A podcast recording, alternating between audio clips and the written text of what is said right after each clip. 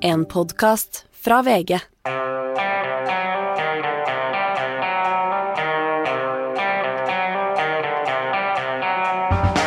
Ikke visste jeg at alle disse dagene som kom og gikk, de var selve uke 20. Men her er vi igjen, ute i det fri. Gratis nedlastbar på alle plattformer. Fri som vinden, Hanne. Det kjennes ganske godt de fredagene, Det Anders. er veldig, det er veldig bra. Jeg føler liksom at nå er det noen av våre gamle venner og sånne ting som hører på oss, som ikke har vært gode nok venner til å bli med over på bak muren. Men da må vi si kom, kom. Kom, kom, kom, hør hvor gøy vi har det. Det har vært en lang uke, syns jeg. Han, stort sett syns jeg ukene går fort, men når du putter en sånn 17. mai eh, inn i begynnelsen, så blir den litt lenger. Den nesten blir litt kortere. For Ja. da går det liksom rett fra fridag på tirsdagen, og så går du på jobb på onsdag, så er det ikke mandag, men onsdag. Du hadde kanskje inneklemt fri på mandag, du da? Nei, det hadde jeg faktisk ikke. det hadde ikke du var med her i, i, i podkasten i det hele tatt.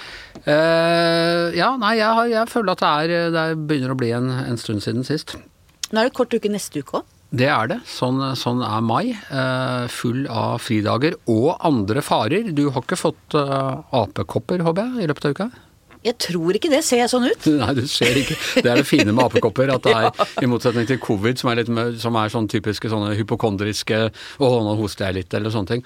Apekopper, da får du digre vabler i ansiktet. Det er fordelen med apekopper? Det er fordelen. Det er ikke tvil om at du har fått apekopper når du, når du Det er har kanskje den eneste fordelen. Men nå sitter vi og ler av disse apekoppene, men før vi vet ordet av det, så er det sånn Å, har vi nok apekoppvaksiner? Og er det, er, tror du det er noe fare for det? At det, det er, nå skal vi over i en apekoppepidemi?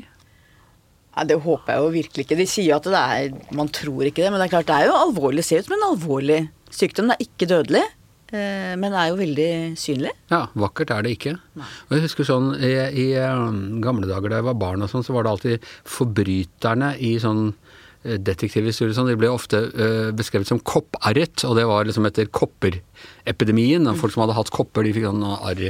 Og nå vil Og dette rammer jo selvfølgelig ikke bare forbrytere, det var bare de, de fordomsfulle detektivbladene jeg leste.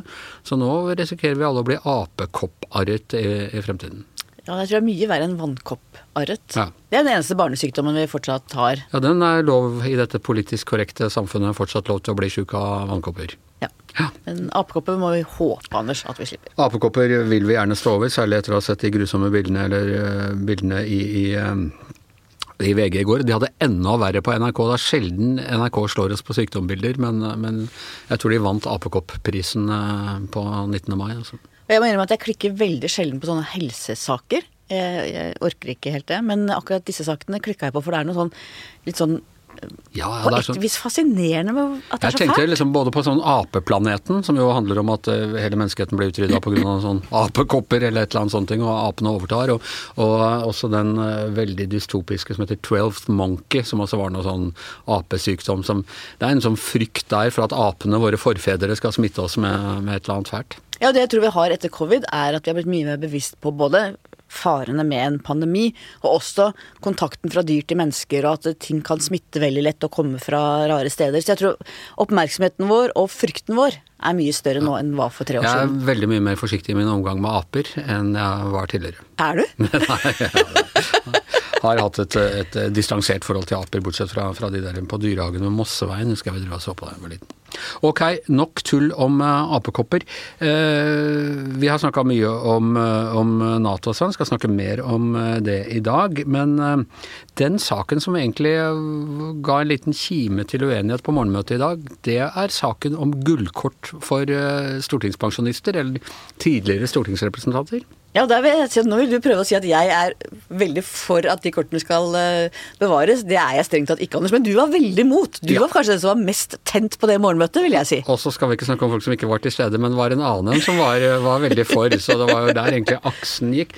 Eh, nei da, men jeg kan godt si at du, var, du var bare ikke liksom helt hadde bestemt deg. Men for meg må jeg si at dette er en, uh, det vi i Follo kaller en no-brainer. At uh, hvorfor i all verden skal tidligere stortingsrepresentanter som leng ikke lenger har folkevalgte tillit, hatt fri adgang til nasjonalforsamlingen når det åpenbart blir misbrukt til lobbyvirksomhet? Hvorfor, hvorfor skal ikke de, i likhet med alle andre interesseorganisasjoner eller privatpersoner som ønsker å komme i kontakt med stortingsrepresentantene, ta kontakt, høre om de kan få komme på besøk, avtale et møte og være der under ordnede forhold? Ja, og der har du poenget at når det blir misbrukt slik som vi har sett, og det er, det er jo et tillitsbrudd, og det er veldig alvorlig, syns jeg, da tidligere stortingsrepresentanter til og med skriver i søknader at som et pre på sin CV at de har livslang tilgang til Stortinget.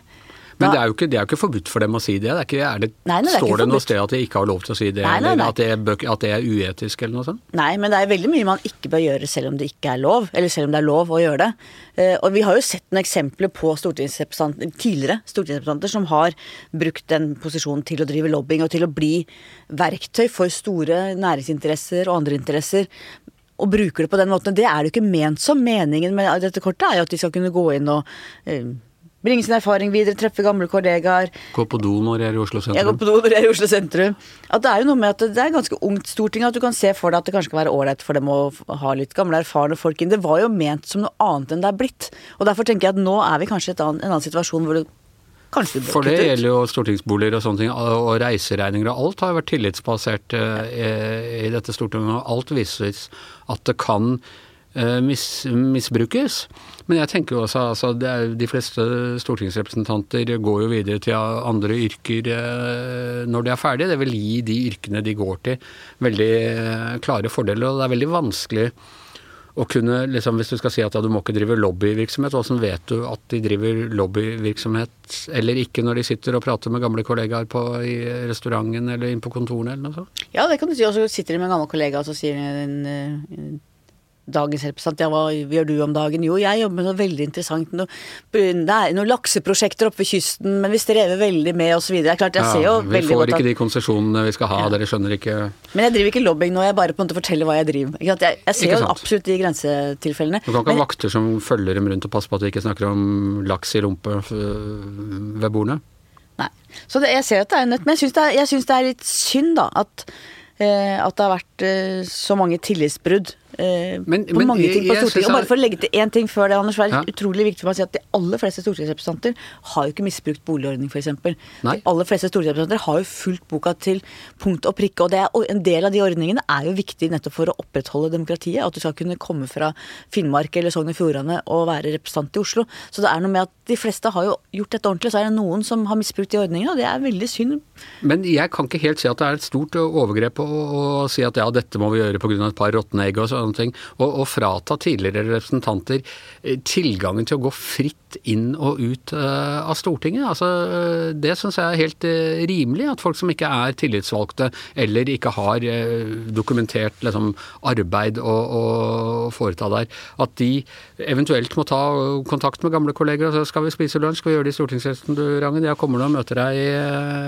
i, i lobbyen. Det er jo sånn på alle andre arbeidsplasser stort sett, at du må ha en eller annen årsak for å komme dit. Ja, var det en av kollegaene våre sa på morgenmøtet i dag, at men i VG har man jo seniorkort når man er pensjonist, da.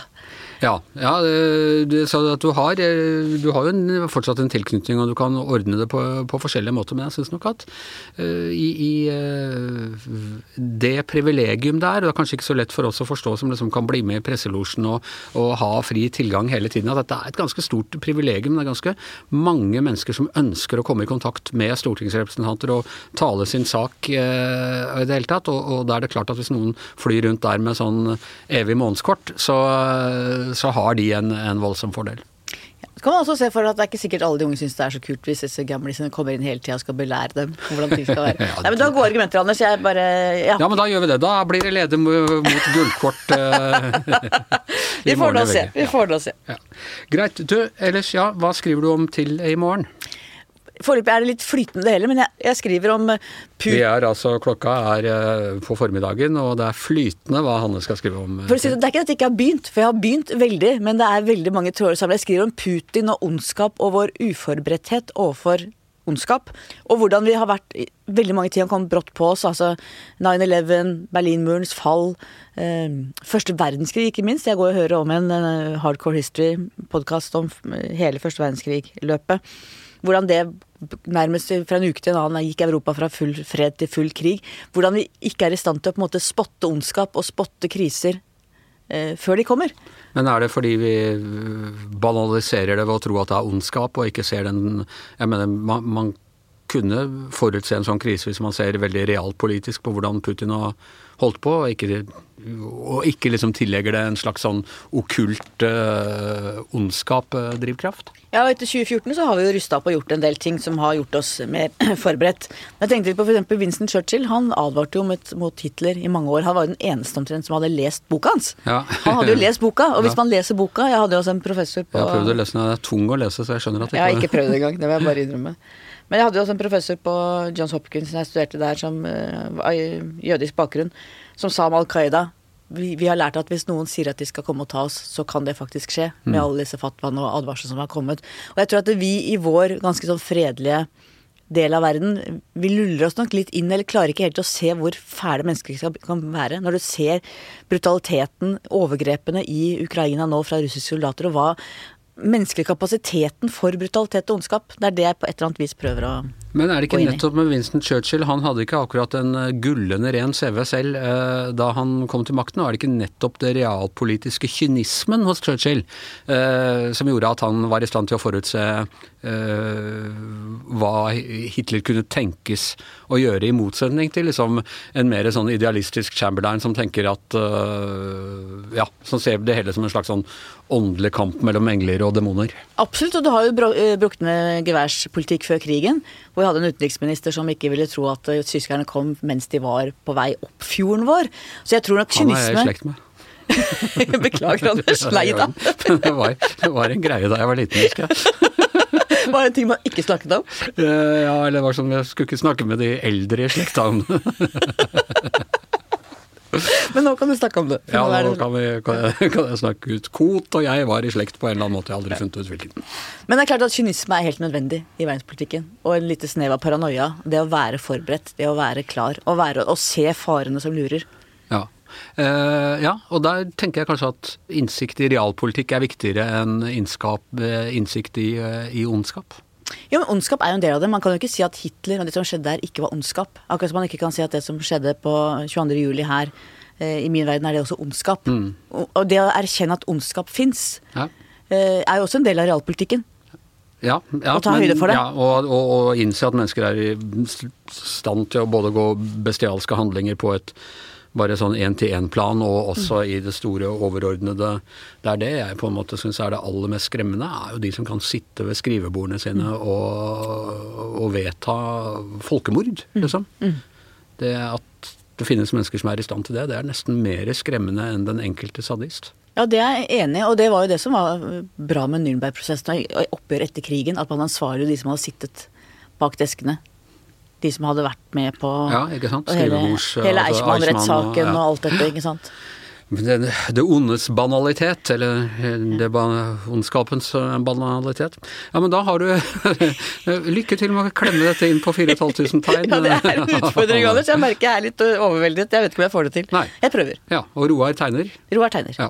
Roar er heldig der, og flink der, til å av og til kunne med enkle streker klare å, å, å fange inn ganske komplekse problemstillinger. Ja, han er kjempegod. Og så røper en liten hemmelighet, og han blir av og til veldig frustrert når jeg kommer med mine litt sånn store på torsdag spør han hva skal du gjøre, han? Og så er det sånn ja, det er et eller annet om ondskap. Og han blir sånn nei.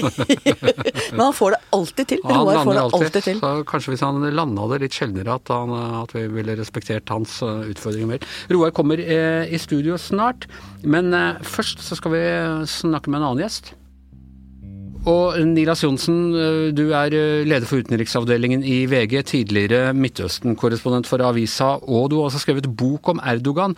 Og hva er det han holder på med nå? Er det reelle eh, krav han vil ha gjennomført, eller driver han bare og ypper og, og uh, rett og slett kødder med, med Natoene? Jeg tror det er en kombinasjon av flere ting.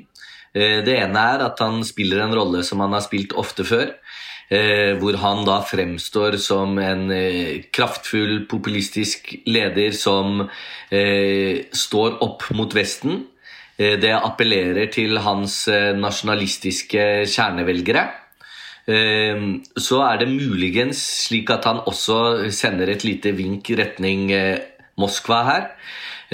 Og viser til sin Eh, kamerat Putin at uh, Tyrkia i hvert fall har en friere rolle uh, enn resten av Nato. Men så er det det tredje punktet som nok er det viktigste, og det er at i det tyrkiske statsapparatet som helhet så er det en reell oppfatning av at flere skandinaviske land, og da særlig Sverige, i for stor grad støtter opp om eh, kurdiske organisasjoner.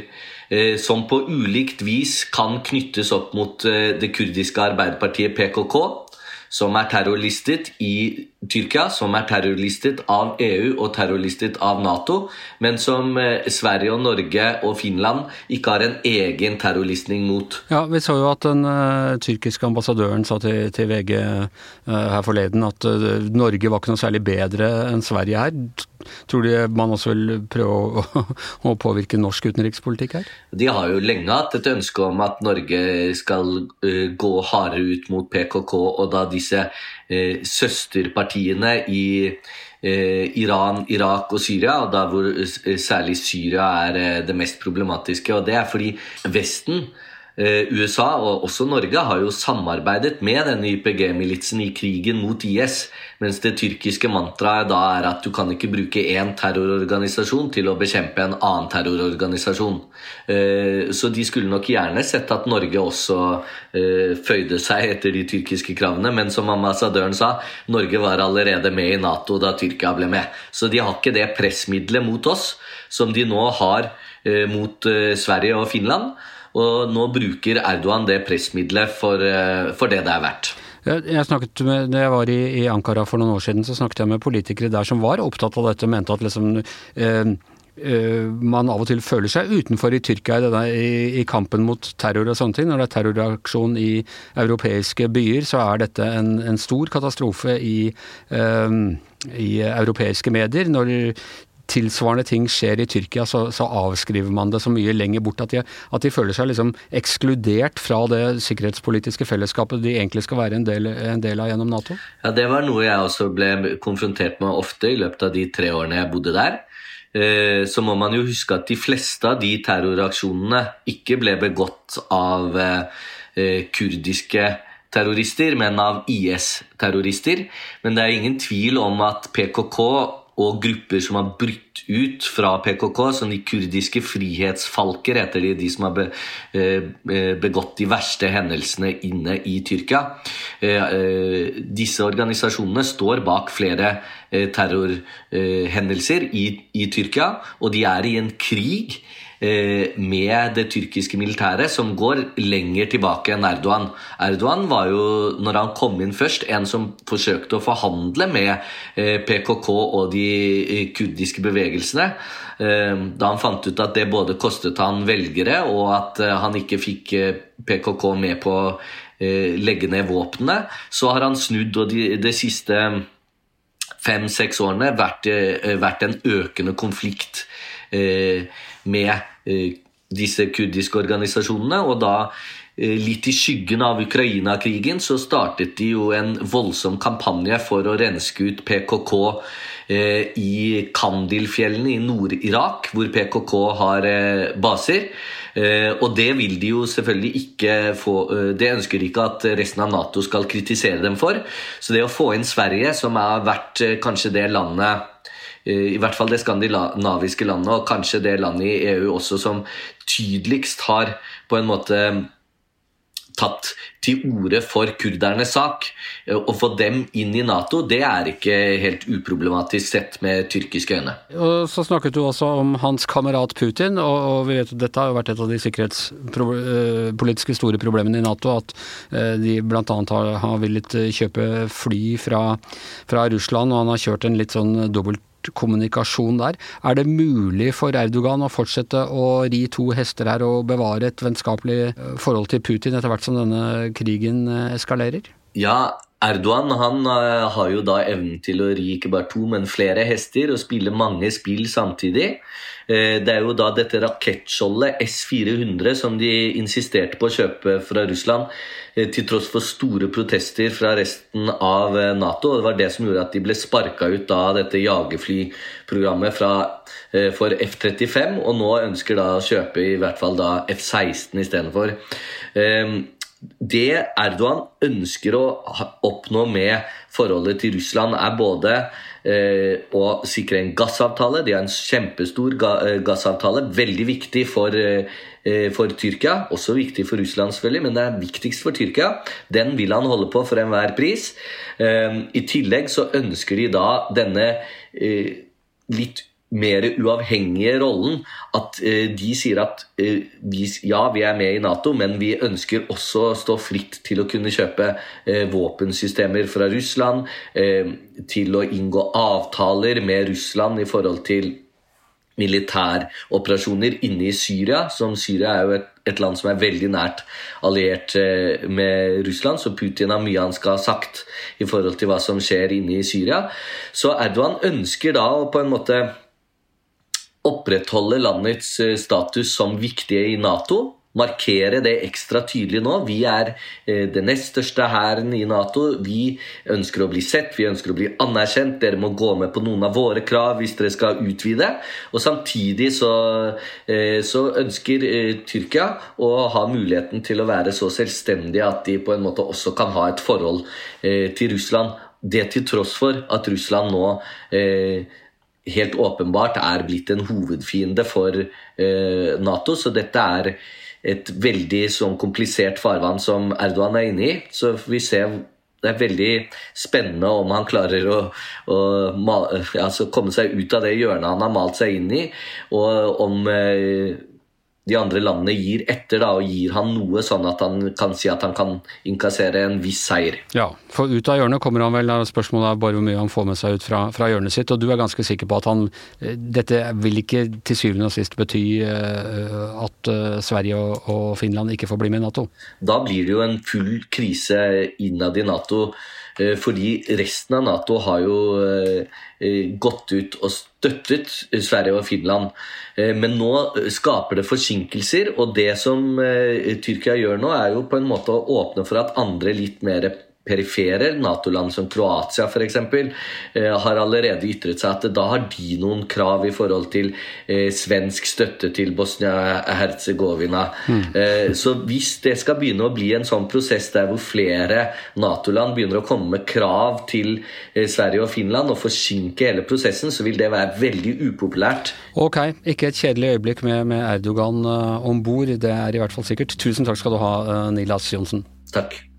Ja, og Erdogan han er også en av dine, må man kunne si, en av de få kommentatorrollene man kan si. Han er en av dine favoritter, Roar, fordi han, Roar Hagen, fordi han er øh, ikke kanskje så mye av utseendet som eh, symbolene han representerer? Ja, han er jo en fantastisk type for meg, og han, han går jo inn i, i tradisjonene til den franske borgerkongen Ludvig Philip. Ja, altså Solkongen? Nei. Nei. Borgerkongen, altså etter Napoleon. Ja vel, ja. Eh, han fikk jo fengsla eh, den store tegneren Domier.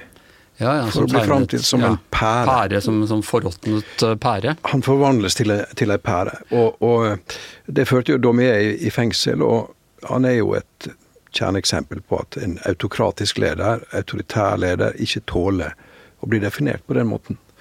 Ja, har han gått ut mot karikaturtegnere i Ja, han har jo fengsla eh, kollegaen min eh, Nuri Kurtsebe for å fornærme Erdogan personlig.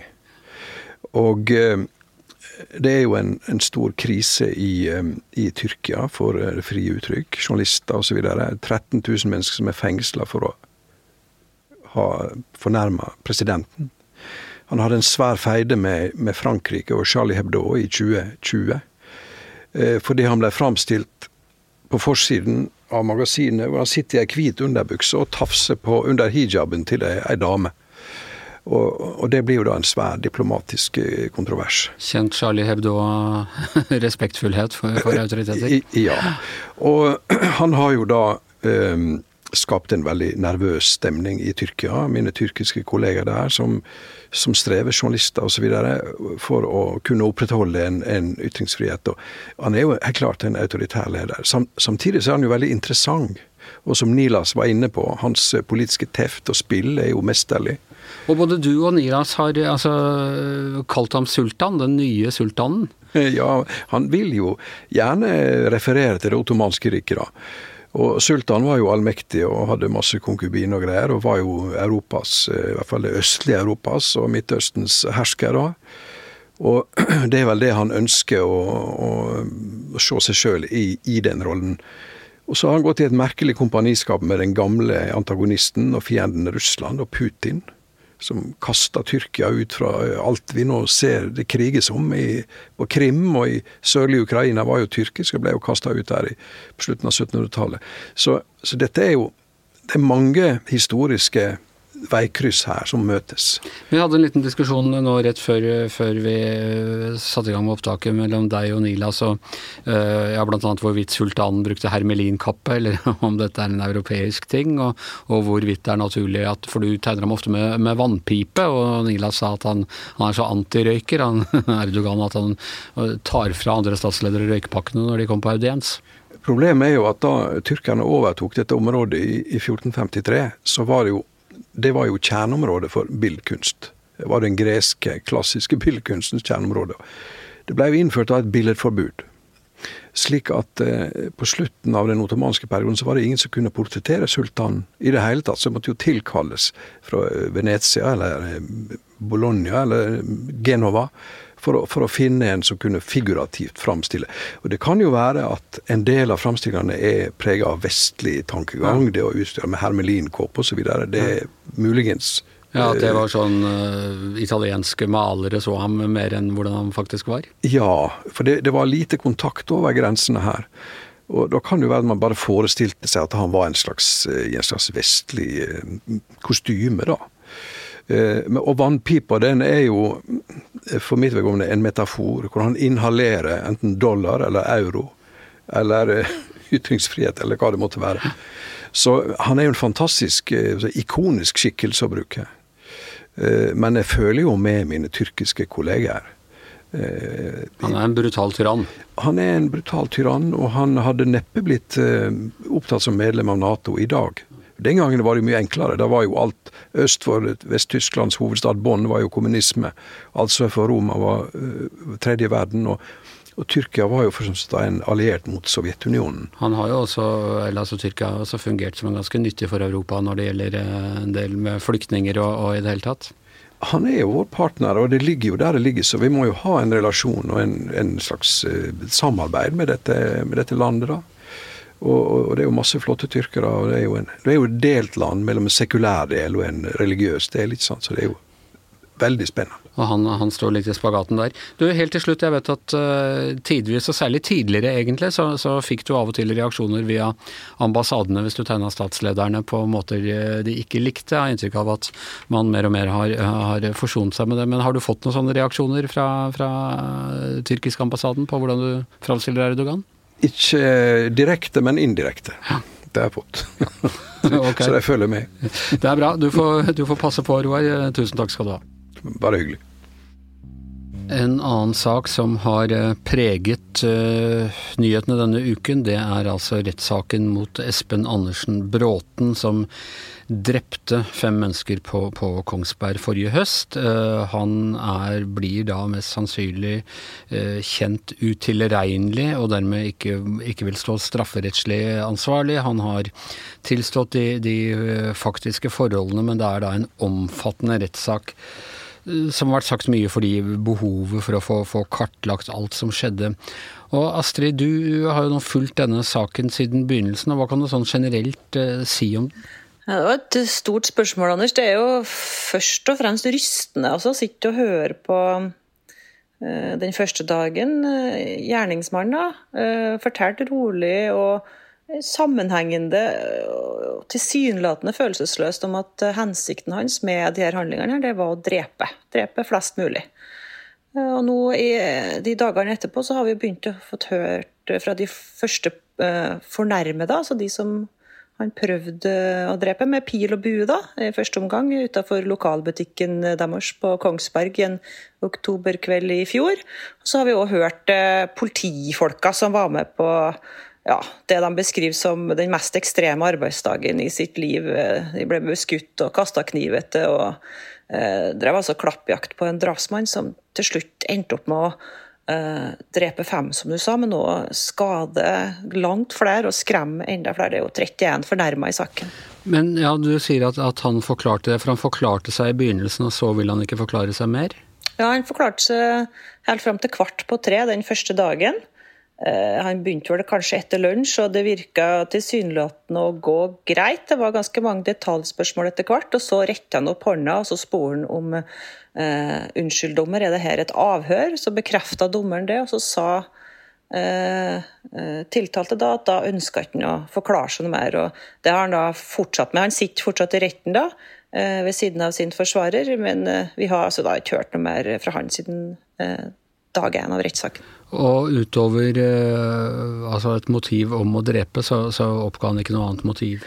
Han rakk jo å fortelle om uh, uh, livet sitt forut for drapsdagen. At han har vært isolert i et, en mørk leilighet og lang tid fikk inntrykk av at han ble mer og mer redd for å bli blind, for at han fikk symptom på det han tolka som grå, grønn stær, eh, og at det hasta mer og mer for han å uh, få begått de her drapa. Fordi at da, uh, Før han ble blind, og tanken hans var da følger han sjøl at han da kan bli gjenfødt på et bedre sted, hvis han fått, fikk gjennomføre planen sin. Og i dag så har de første politimennene som eh, rykket til stedet da de første meldingene kom, eh, forklart seg? Hva, hva har de sagt for noe? Ja, Det er, har jo vært knytta spenning til det. og Det er jo egentlig ikke en del av rettssaken som sådan, så dommeren prøver vel en, å avskjære det litt. For at den rettssaken handla jo om eh, eh, tiltalte, som altså da om man skal dømmes til, til tvungen psykisk helsevern, eller om man er strafferettslig tilregnelig. Men de her politimennene er jo òg fornærma, fordi de ble jo skutt etter. Så de har vært i, i vitneboksen i dag, og, og bistandsadvokatene og eh, det er jo mange av dem. De ønsker jo å få fram eh, nemlig hvorfor ikke de stoppa Espen Andersen Bråten den dagen. Da. Så det har vært egentlig tema i dag. Hva har de sagt om det? Om hvorfor de ikke stoppet han. Dette er jo noe vi har, vi har, lurt veldig på. Ja. Fikk jo eh, første dag av rettssaken se video der de trekkes litt tilbake når de kommer med eh, full politiuniform og eh, pistol og MP5. Eh, mens han er inne i butikken der, så da har spørsmålet vært om det er en politiskandale. Det er jo en gransking på gang og skal komme i slutten av juni om hvorvidt politiet kunne gjort mer. Eh, men jeg syns de to politimennene eh, forklarer saken godt i dag. De har kort tid. Ehm, de møtte først sin kollega, en kollega i politiet, i sivil, som var eh, hvor han vært drept. Han satt med en pil 9 cm inn i skuldra. De skjønte at det hasta, så de vurderte at de ikke tok på seg verneutstyr før de gikk inn i Coop-butikken, forklarte i dag. Eh, og eh, de trakk seg litt tilbake, men de gikk aldri ut av butikken. Eh, for å ta på verneutstyr som ble brakt til dem. Men i, det, i løpet av den tida eh, så klarte altså eh, gjerningsmannen å rømme ut på baksida, for der var en nødutgang som de da ikke visste om. Så jeg syns det er vanskelig å si at det er noe politiskandale, fordi det gikk så fort, og de ble jo da beskutt av gjerningsmannen. Og uh, Du ser dette altså via en, en, videolink, du er ikke til stede i uh, Eh, rettslokalet. Eh, så jeg vet ikke, Får du noe inntrykk av den tiltalte, hvordan han reagerer på de forskjellige forklaringene, og hvordan han oppfører seg i, i retten, selv om han ikke forklarer seg? Nei, det er mye dårligere. Jeg skulle gjerne vært i retten, men det var dessverre fullt. VG hadde uh, tatt alle plassene. Uh, men det skjer jo en del av det, og den, uh, det er få reaksjoner å spore. Han sitter i dag med hvit skjorte, rolig, kraftig kar som stirra mest inn i PC-skjermen og virka litt mistilpass. Eh, ikke så overraskende, det. Men eh, det er vanskelig å se så mye på han. Han gjør lite ut av seg, og forsvareren hans sa jo at eh, han har en alvorlig psykiatrisk diagnose. Jeg lurer på om det er paranoid schizofreni han har blitt diagnostisert med tidligere. At han nå er medisinert etter at han var umedisinert for det her i to og et halvt år, da, forut for gjerningen. Så det er jo egentlig ingen av partene som er uenige om eh, hva som skal skje her. Det er jo da snakk om at han ikke skal han, ikke, han skal ikke i fengsel for at han er ikke tilregnelig, så han skal da i, eh, i ja, på psykiatrisk institusjon etter, straffes, etter saken. Og det er altså satt av til tross for at da alle kjensgjerningene er godt kjent, så er det satt av fire uker. Politimennene har forklart seg nå, han har forklart seg så langt han øh, vil. Hva vil de neste tre ukene by på? Ja, det er jo, som jeg var inne på, Anders, så mange fornærma. Han har jo skutt etter så utrolig mange. eh, Og han har trua så mange. og eh, Jeg tror at bistandsadvokatene til det her, de ønsker at eh, de mener at en del av tiltalene er feil, at det ikke er bare trusler, men også drapsforsøk mot flere av de her personene. Da. Eh, Så Det er vel derfor litt at det er satt av en måned. Eh, Men altså, man kan jo stille spørsmålet om vi virkelig trenger så lang tid. For det blir jo det er jo ingen, det, blir jo, det vil være en stor overraskelse om, om det ender med noe annet enn psykisk helsevern, for de tre sakkyndige er jo enige om det. og eh, Det er både aktor og forsvarer. Ok, eh, da skal du få gå tilbake til retten, Astrid. Det er en, lang og vond rettssak, dette her. Og dermed er Giæver og gjengen over for eh, denne uken. Tusen takk til Hanne Skartveit, tusen takk til Nilas Johnsen, tusen takk til Roar Hagen, tusen takk til Astrid Mæland. Eh, Jeg heter Anders Giæver, og mannen som har tatt eh, apekoppvaksine og derfor kommer til å sitte her uansett hva som skjer, er som vanlig produsent Magne Antonsen.